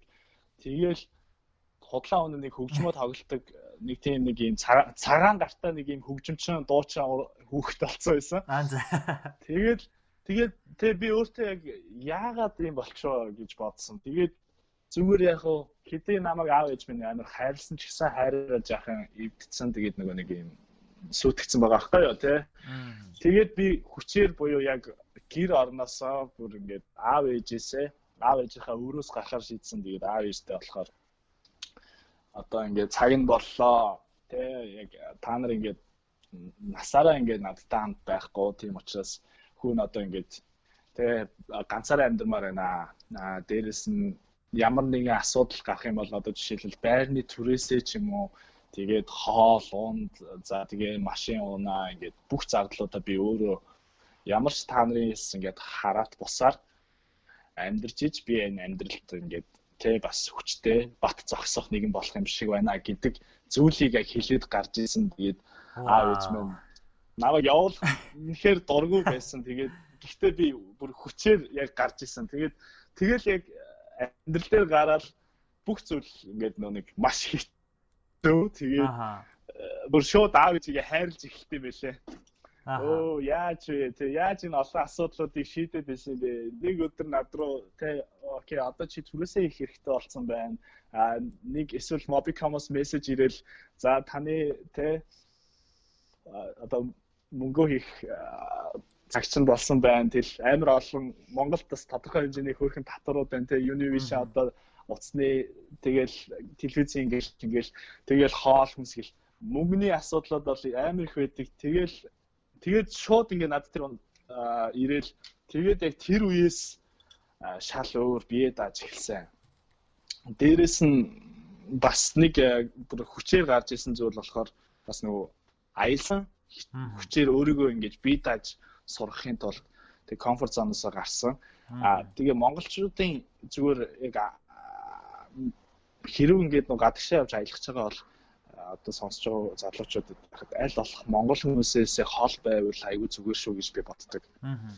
Аа ягаад гэвэл одоо хин нэгэн ажиллаж байгаа бол гэрээсээ хол явж байгаа юм чинь би бие даах чинь гэж бодож байгаа шүү дээ тий. Тэгтэл яг үнэндээ нөгөө гадаадд очсон нь монголчууд дээр очиждаг байхгүй юу? Нөгөө монгол хүмүүс. Тий. Тий, тэгээ Монгол нөгөө аав ээжийнхээ өрөөс гарангуудаа монголчуудынхаа өвлөө очиж байгаа байхгүй? Тэнгүүт чинь нөгөө нэг бидний л ах их чим чинь тэгээд хөөх юм Монголоос ирсэн тий. Тэгээл яг ингээл монголчууд байдаг ажил олж өгөөл тэгээл монголоор тэр чигээрээ ярьсаар байгаа л баг Монголд байгаа юм шиг тэгээд байж байгаа буцчихдаг. Тэгээд яг тэндээс үнэхээр одоо юу ч сурахгүй тий яг тэр нэг гадаадд байгаа тэр нэг гадаадд юу болж байгаа гадаад хүмүүс яаж ажилтдаг тэр гадаадуудтайгаа ярьж үзээгүй буцчихдаг. Тэгэхээр ямар ч юм комфорт зоноос гарсан юм байдаггүй учраас аль болох монголчуудаас одоо жаахан зай бариад тэг үнэхээр яг нэг ганц нэг өдрөөр уулзаж олно. Аль болох монголчууд байхгүй газар руугаа яваад гадаадуудтай байгаад гадаадуудтай ажиллахыг илэрхийлээрэ гэж залуучуудад уриалмаар байна. Тэгээд тийм ч учраас одоо би яг Нью-Йоркд би нөгөө өөрлөө чирж захтаа нэг бичсэн шүү дээ. Надад Нью-Йоркд ганцж таньдаг монгол хүн байхгүй гээд. Тэгээд яг ингээд Америкчууд дээр ирсэн. Тэгээ болдгол юм байна. Ямар ч Тэ. Тэ. Тэгээд яг хүнл хүнл юм чинь ямар ч сан хангалттай яриад ойлголцоод за хэлийнхээ төвшин мэдж байгаа бол ямар ч сан хичээгээд ойлголцдог бол тэгээд яриад ойлголцоод амьдраад тэгээд хангалттай бүх зүйлээ хуваалцаад аа явах боломжтой. Тэгээд гадаад хүмүүстэй ойрхон байгаараа тэгвэл комфорт зоноос айл болох хүчлээд өөрийгөө гаргаарай. Тэгээд яг би яг анзаарсан яг л ямарсан гадаад руу явахаар хүмүүс яг тийм алдаа гаргах юм билээ. Тэгэлгүй яах вэ? Чи бол үнэхээр зөв мессежийг бол хүргэлээ. Энэ бол яг Монголын асуудал биш ер нь манай энэ дорны орнуудын асуудал юм шиг байгаа. Тэгээд яг Америкт ингээд маш олон нөгөө хятад оюутнууд, солонгос оюутнууд байдаг штеп. Тэг яг одоо чинь хятад оюутнуудын жишээ бол энэ чи чинь Америкт амар хятадууд байдаг учраас нөгөө хятадууд нь хятадасаа ирээд яг хятадуудаа байгаад ерөөсөө англи хэлнэд жишээ нь дор хаяж сайжирдаггүй. Тэ ингээд хятадаараа л байнга яриад профессоруудынхаа яриаг нэг худлаа өнөө сонсоод тэгээд хичээл дээрээ нөгөө англи хэлэн сайжрахгүй байгаа юм чи эргээд ярьж чадахгүй байдаг. Тэгэхээр бол зэрэг нөгөө монголчуудаас хол бай гэж монголчууд ер нь жоохон захиад идэв штэ. Гэтэл тэр нөгөө жоохон муу талаас нь хүмүүс юм шиг санагдаад идэг. Гэтэл яг үнэндээ энэ нь бол тий яг үнэндээ бол чи өөрийнхөө сайн сайхны төлөө хийж байгаа зүйл юм шүү гэдэг санаа гаргаж ирж байна. Тэгээд энэ бол үнэхээр бас олон хүний харж байгаагүй, олон хүний бас хэлж байгаагүй зүйлийг чи өнөөдөр хэлж чадлаа гэж бодож байна. Тийм учраас би чад баярлаа гэж хэлмээр байна. Баярлаа. Тэгээ яг миний анзаарсан зүйл бол яг л энэ л энэ. Би яг би Лондонд байхдаа баг монголчуудтай байгаад тэгээд бүр миний хэл хэлэн талаар ямар ч тийм ахиц өөрчлөлт гараагүй. Тэгээд тэндээ би бүр амар их харамссан. Тэгээд тэгэл өөрийнхөө туршлага дээр л хэллээ. Тий. Баярлаа. Баярлаа. За ингээд энэ хүргээд подкастерынхаа сүүлийн хэсэг рүү орё гэж бодож байна. Тэгээд тэгшээгийн хувьд бол өөрөө манай подкастын сонсогч учраас бол мэдэх бах тэрний юу гэхээр бид нэр подкаста гал 8 асуултаар дуусгадаг. Тэгээ энэ гал 8 асуулт нь манай Нями 8-ын одоо сонгодог асуултууд буюу анх үүсэж исэн галыг нь бадруулж исэн 8 асуулт байгаа. Тэгээд энэ асуултуудад би чамайг нэг үгээр юм уу, нэг өгүүлбэрээр юм уу, ер нь богино одоо өгүүлбэрээр хариулаасай гэж хүсэж байна. Тэгээд бэлэн дөө. Тэглээ. За. За. За Америкийн нэгдсэн улс ирснээс хойш ер нь сүүлийн 7 хоногт хамгийн их талархаж байгаа зүйл юу вэ? Мм за яг хамгийн их талархаж байгаа зүйл бол яг мэрэгчл яг нөгөө нэг монголчууд урлагийнхаа ярьт юм аа урлагийн боён гэж ярьдаг. Аа тий. Тэгээд надад амар тий амар их таалагддаг. Яг би чинь хамгийн гол нь заах урлаг хийсээ илүү хүн яг өөрийнхөө нөгөө зөв мэрэгжил тэг яг дуртай зүйлээ л олж авах нь чухал гэж ярьдаг. Тэгээд миний хувьд одоо хүмүүс нөө мэрэгжил сонголтын талаар бүр амар хөгшөрчөөл ингээл ярьж идэг. Тэгээд э, тэгсэн ч гэсэн би болохоор яг дотроо бүр байнга гэж боддог. Өө би мэрэгчлээ яг сонгоцсон. Яг өөрийгөө би яг тодорхой хэмжээнд яг байх ёстой салбараа мэдсэн гэж боддог. Тэгээд тэр маань ч яг зөв тэгээд яг сонгож авсан мэрэгжил тэр зүйлтэй маш их талархаж байна. Одоо яг л одоо миний тэр хөгжим сурсан тэгээд урлагт байсан тэр зүйл маань л одоо ингээд Америкт жишээлбэл аваад ирсэн байгаа байхгүй юу. Тэр зүйлтэй л талархаж байна. Баярлаа. А онцлог контент юу байсан бэ? Сүүлийн үед уншсан ном сонь, мэдээ артикл, видео, подкаст гэдэг юм уу? Онцлог юу саяхан нөгөө нэг за speak инфлюенс үлээ а номыг номны нэг review сонсч ирсэн. Тэгээд тэр тэр бол амар гоё байсан. Яг нөгөө хүнд хэрхэн нөлөөлөх вэ те. Нөлөөллийн тэр яг гол гол зүйлүүдийг одоо энэ бидний яг дагаад байгаа хүмүүс чинь биднийг зүгээр яг хүний нөгөө анх мөн чанарыг нь судалсан бид юм билээ шүү дээ. Би яагаад би энэ хүн татагдаад байна гэсэн чинь намайг судалсан байсан юм билээ шүү дээ.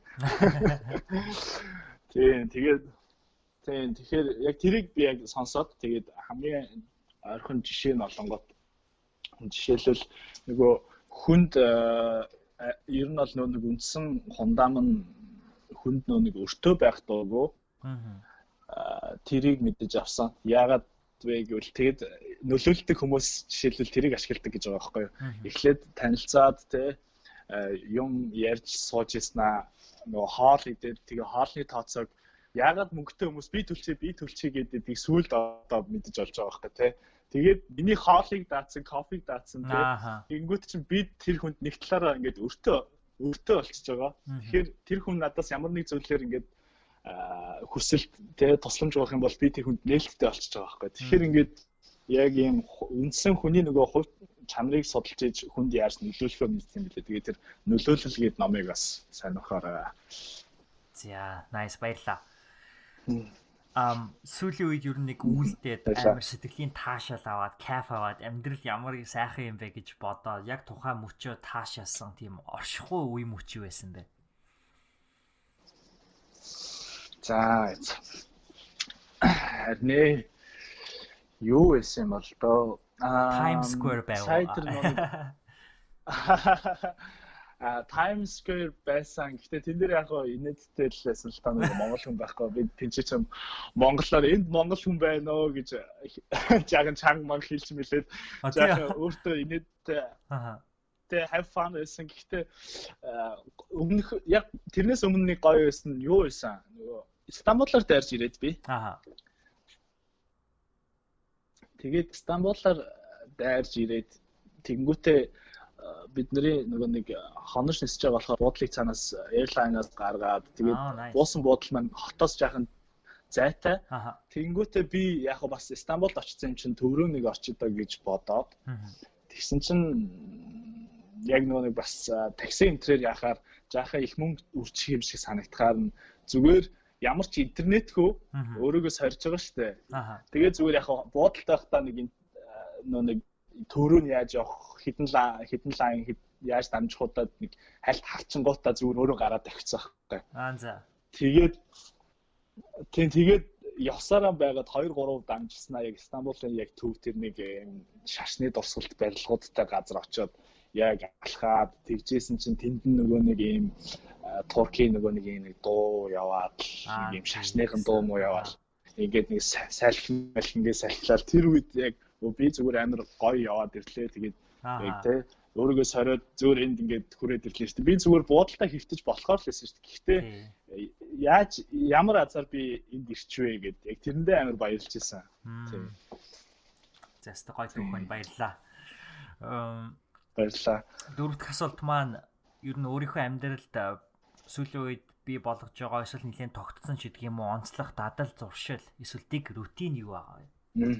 Хамгийн гой суудсан байгаа сайн дадал зуршлын хувьд юу цагийн цагийн менежмент нөгөө бүгднгийн төдөө лист хийгээл тэгэл ингээд бүгдийг бичдэг болсон сая 12 сард яагаад гэвэл нөгөө амар их завгүй Монголд нөгөө 12 сард чинь шинэ жилийн тоглолтууд ихтэй.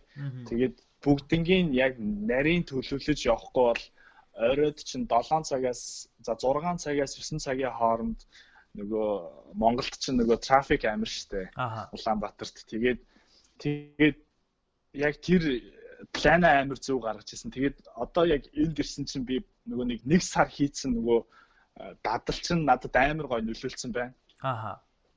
Тэгэд яг цаг цагаар амар гоё ингээд э, төлөвлөөд сурцсан тэр яг би зүгээр нэг яа, гоё ингэж төлөвлөндөө гэж боддог байсан чинь зүгээр нөгөө миний нөгөө нэг хийжсэн нөгөө тоглолтуудын юм байна намайг ингээд тийм дадалтай болгочих. Тэгээд яг тэр төлөвлөлөөд явж байгаа юм амар гоё юм. Тий.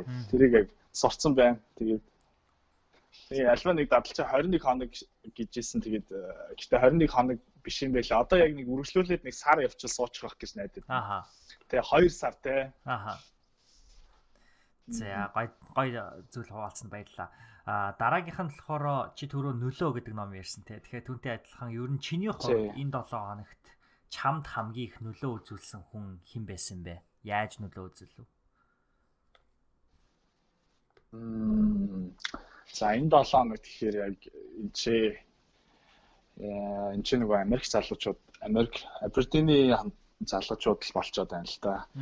Тэ Монголд байсан юмуд маань яг сайн санагдахгүй байна. За тэгээд сая яг ирээд аа Брайнид энэ Брайн гэж залуу энд байж байна. Тэгээд энд э, харж байхад энэ залуучууд яг зүгээр яг хийх юм аа л яг маш үр дүнтэйгээр хийд юм байна. Одоо миний нөгөө нэг олон зүйл рүү савчдаггүй миний эсрэг Аха. Тэгэхээр би бас нөгөө талаасаа өөрийгөө нөгөө нэг эсрэг талыг харсан гот бас тэр талаас суралцах хэрэгтэй байна гэдгийг харж байна.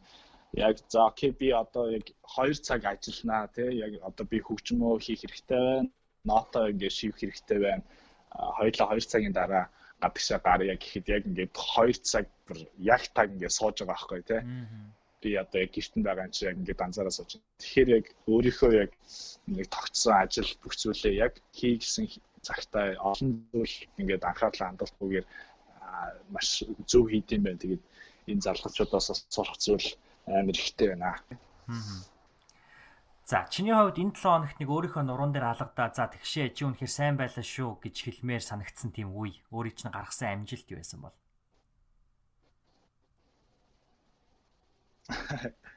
За эцнийх амар амжилт одоо гэж э, хэлэхэр чинь зүйл юу тохиолдсон юм бол доо. Яг л тэр э, нөгөө нэг өмнө нь дурдсан тэр Тэгээ Стамбулд болсон тэр юу дээр би өөр- өөрийгөө амар гоё надад өөрөө өөрийгөө үнэлэх үнэлэмж нь амар гоёсан. Тэр тэр зүйлийг. Тэгээ ганцаараа яг интернетгүй зүгээр гараа авчмаар байхгүй. Тэгээ За тэгвэл сурсан сургамж ойлгосон ухаар л юу бол энэ 7 хоногт. Дахиад саяныхаа гайлчгаа интернетгүй гараа явах хэрэгтэй юм байна гэдэг Аа харин тэ. Сурсан сургамж. За эцээ тулгамдаад надад бас орж ирдгүй хоёлаа. За эц. Юу ч болохгүй. Нэр үнэхээр тулгамдаад орж ирдгүй. Аа. Зүгээр. За. Дараагийн асуултыг наа яач. Тэгээд над руу ороод тэ За тэгье. санаа ороод хэлэх гэсэн бодож ирсэн юм байна тий. За тэгье. За тэгэхээр дараагийн асуулт гэж бол байхгүй. Энэ бол хоосон орон зай байгаа. Нами нами. Тэгээд ерөнхийдөө бол а, нэвтрүүлэг маань энэ хүрээд өндөрлөх гэж байна. Тийм учраас чи ер нь яг энэ хормыг ашиглаад нэг бол манай сонсогч нарт юу гэж хэлмээр байна. Аль эсвэл хоёулаа өнөөдөр нэгэн түүхийг бас бүтээлцээд өнгөрч ин штэ тий. Тэгэхээр бол эргээд чи бас олон жилийн дараа 10 жилийн дараа ч юм уу энэ подкастыг сонсоход би энэ үед Нью-Йоркт аялаад нэг ийм мэдрэмж авч илаа гэд э, энэ орон зайг ер нь юу гэж одоо хадгалж шошголж үлдээмээс нэгдэж чинь тэр бүхнээ хуваалцах энэ орон зайг өгч чинь тэгээ энэ орон зайг хүснээрээ ашигла хүснээрээ хэрэгэл тэгээд а, маш их баярлалаа. Чамд өнөөдөр цаг гарганаатай ярилцсанд Баярлалаа. Яг өөрийнхөө өөрийнхөө хамтдаа подкаст подкаст хийж оролцсон зүйлсээр би тайна тайна таарч маш их том том болсон юм. Яг яг яг залууч олж үеийнхээ залуу залуу олон юм тэгээд бүх бүх дэшээ тэгээд дэшээ насны хан тэгээд доош доош манай доод үе үе бүрхэн мэлхэн мэлхэн яг амар амар зөвлөл хийж байгаа. Тэгэхээр үнэхээр гайхалтай бас энэ зүйлээ зүйлээ нөө мэл пооштай эсрэг эсрэг байгаараа. Мм. Монголчууд монголчууд бүр яг мэдгүй яг яг амар амар амар сайнаа сайнаа нөхөж байгаа. Надад надад клауд хийсэн байна. Сайн сайн сайн хийсэн тэгээд хэдий яг өөрөө өөрөө чи сонсоо байж магадгүй. Монгол маш их олон залуучууд хэд ингээд бас подкаст мэдгүй гээд хийж асуусан ингээд мэхээр болцсон байгаа. Тэгэхээр энэ зүйлээ ингээд уушлаад яваад л байгаа. Яг би одоо жишээлбэл яг хэлдэм биш. Ясны гой зурчих гэсэн ч гэсэн яг хүмүүс хэлэхгүй ингээд яваад байдаг. Тэгээд миний хэр явааг өөр хүн хэлэхгүй болохоор өөрөө мэдэрдэг. Тэгэхээр яг өөртөө чинь маш их амжилт хүсье та та Баярлаа. За тэгээд аа өнөөдрөө тэгээд дурсамжтай өдөр болж байна. Тэгээд бас 10 жил 20 жилийн дараа сонсох зүйлтэй л болж байна. Тэгээд яг 10 жил юм уу 20 жилийн дараа би одоо сонсоод өөрөөсөө жах. Аа.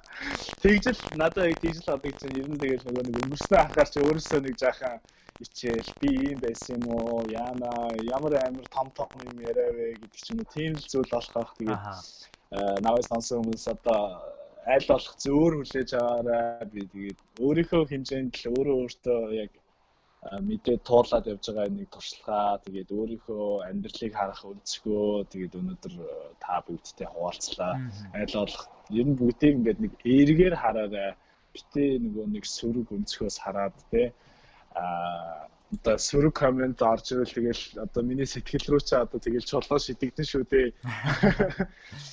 Тэгээд тэр ер нь бол альва зүйлийг нэг эргээр хараасай л гэж бодож байна. Тэгээд хаач явсан. Одоо Монголд Монголд би саяхан нэг бас нэг яриа өгч жагаад Монгол асуудал юу байна гэд тэгжсэн.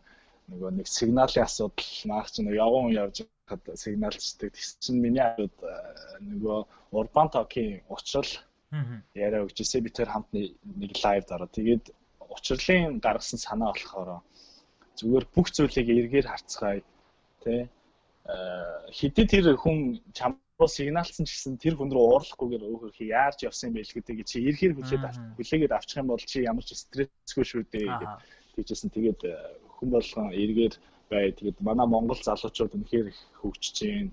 Аа тэгээд ер нь одоо гадаад гадаадд байгаа монголчууд тэгээ манай Монголд байгаа монголчууд гээд сэтгэлгээ шал өөр болсон байгаа шүү. Ер нь манай бидний одоо энэ монголчууд хөгжилд одоо ойрцоор алхам алхамаар ойрцоор л юм.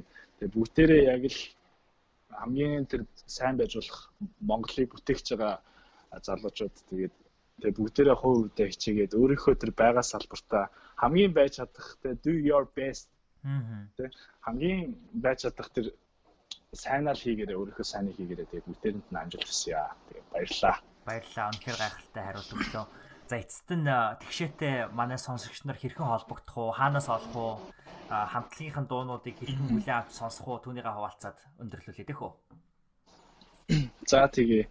Аа миний хувьд Instagram тэгш баяр тэгээд дабл артай төгсгөлнө. Тэгээд над руу инстаграмаар холбогдоод бас өөрийнхөө хүссэн зүйлийг асууж болно. Одоохоор нэг одоогоор нэг айвар тийм олон followers энтергүй болохоор зүгээрээ над руу шууд мессеж өчгөө шууд notification ирнэ. Тэгэхээр шууд хариулах боломжтой. Тэгээд а манай хамтлагийн Redline хамтлагийн хувьд Instagram дээр Redline MJL гэж байгаа. Facebook дээр Redline Band гэж байгаа. Аа бас YouTube дээр Redline Mongolia гэж байгаа. Тэгээд Redline гэд хайх юм бол гайгүй дээгүр илэрцтэй олдох байх. Тэгээд Redline хамтлаг гэж байгаа. Тэгээд миний YouTube channel тэгш баяр тэгш баяр тэгшээ гэл тэгээд байгаа. Тэгээд social юунууд юм бол гайгүй баха.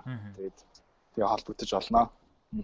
За за баярлалаа тэгшээ өнөөдөр үнэхээр гайхалтай ярилцлага өглөө. Тэгээд яг түрүүн хэлсэнчлэн тэгшээ маань өөрөө маш олон нөөц бололцоонуудын нэг сурулж байгаа. Тийм учраас тим олон дагагчтай болоогүй энэ богинохоо мөчийг нь ашиглаад би бас сонсогч нараага тэгшээг сайн хэрглэж аваарай гэж хүсэж байна. Ягаад тэгэхээр тун удахгүй тэгшээ маань 10к хүрээд 20к хүрээд яваад өгөх бах. Тийм учраас бол энэ боломжийг бол би үнэхээр ашиглаасаа гэж бас хүмүүстэй захимаар байна.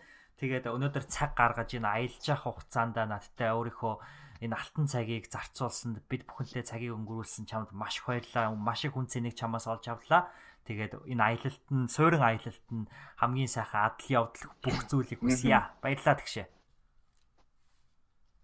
Маш их баярлалаа. Тэгээд урьж оролцуулсанд их баярлалаа. Тэгээд яах вэ? Гайгүй тэгээд сонсох юмтай л подкаст болсон байх гэж найдаж байна. Тэгээд буруу зүрх ярьсан болоочлаарай. Тэгээд ямарсан өөрийнхөө хамгийн цаашдаа зүгээр хамгийн сайнаа хийн тэгээд гой уран бүтээлүүд хүргээд бас нэг Монголынхоо нэрийг нэг өөр газар дуулгачмаар тийм зорилготой явдаг хамтлаг залуучууд байгаа. Миний эргэн тойронд тийм залуучууд байгаа шүү. Тэгээд бид нар хичээнэ. Тэгээд Red Fire-ыг бас дэмжээрэй гэж хэлмээр байна.